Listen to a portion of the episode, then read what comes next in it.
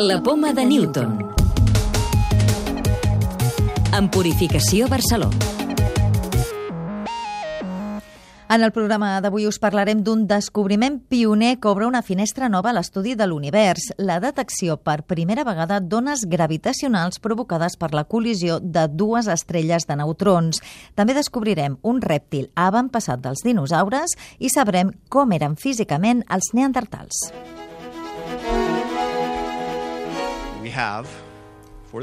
Per primera vegada hem observat, a través de la llum i també d'ones gravitacionals, la col·lisió de dues estrelles molt denses, estrelles de neutrons. I aquesta vegada ho hem fet ajuntant la força de milers d'astrònoms de moltíssims observatoris. I ho hem tornat a fer, i ara ho hem fet entre tots.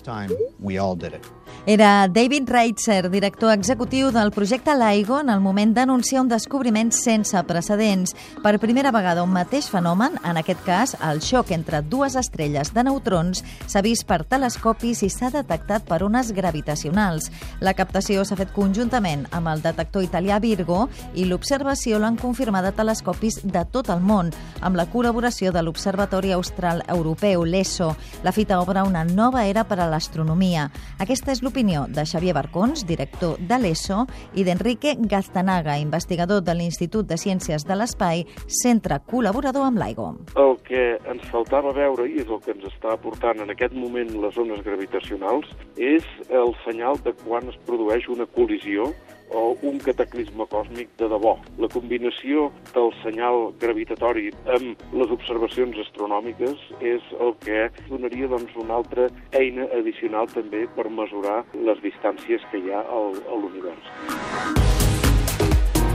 Con la precisión y la riqueza de los datos que tenemos ahora, podemos no solo determinar las características de las estrellas y de este proceso, sino, por ejemplo, podemos determinar con mucha precisión a qué distancia están. Si sabes las distancias, puedes determinar cosas como el ritmo de expansión del universo y entrar en otras dimensiones de la física, ¿no? como en el problema de la energía oscura, de la materia oscura. Per tot plegat, la comunitat científica coincideix a qualificar la troballa com el descobriment científic de l'any i potser de la dècada. Trobades al Pirineu les petjades d'un rèptil antecessor dels dinosaures. Es tracta d'una troballa insòlita perquè mai s'havien trobat a casa nostra petjades d'aquest tipus d'animal que va viure fa 247 milions d'anys. Eudal Mujal és investigador de la Universitat Autònoma. El que hem trobat són ben bé els seus antecessors, o sigui, el llinatge que va donar lloc als cocodrils i als dinosaures, doncs nosaltres trobem les restes d'aquests rèptils. La NASA enlairarà el 2020 la primera prova d'una nova tècnica per desviar asteroides potencialment perillosos. La missió es diu DART i consisteix a utilitzar un robot perquè impacti contra un asteroide i en desviï la trajectòria. Es tracta de la primera missió d'aquest tipus de l'Agència Espacial Nord-Americana.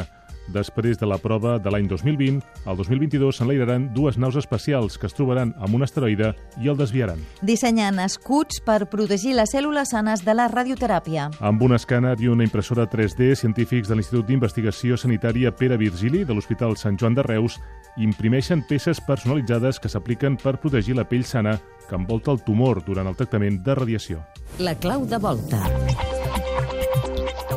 Quines característiques físiques tenien els neandertals? Antonio Rosas, investigador del CSIC. pues que eran pelirrojos, que con piel clara, tienen la mutación propia de nuestra especie que está relacionada con la capacidad del habla y los neandertales crecían de una manera esencialmente similar a la, nuestra especie Homo sapiens. El cuerpo era, eh, comparado con el nuestro, un cuerpo más robusto, mucho más musculado. La caja torácica era bastante más ancha que la nuestra y las caderas eran más anchas y la estatura un poco menor. Su cerebro era muy grande, más- incluso más que el nuestro, pero la forma de ese cerebro es distinta, es más alargada y además tenía la cara hacia adelante muy, muy típica de los neandertales.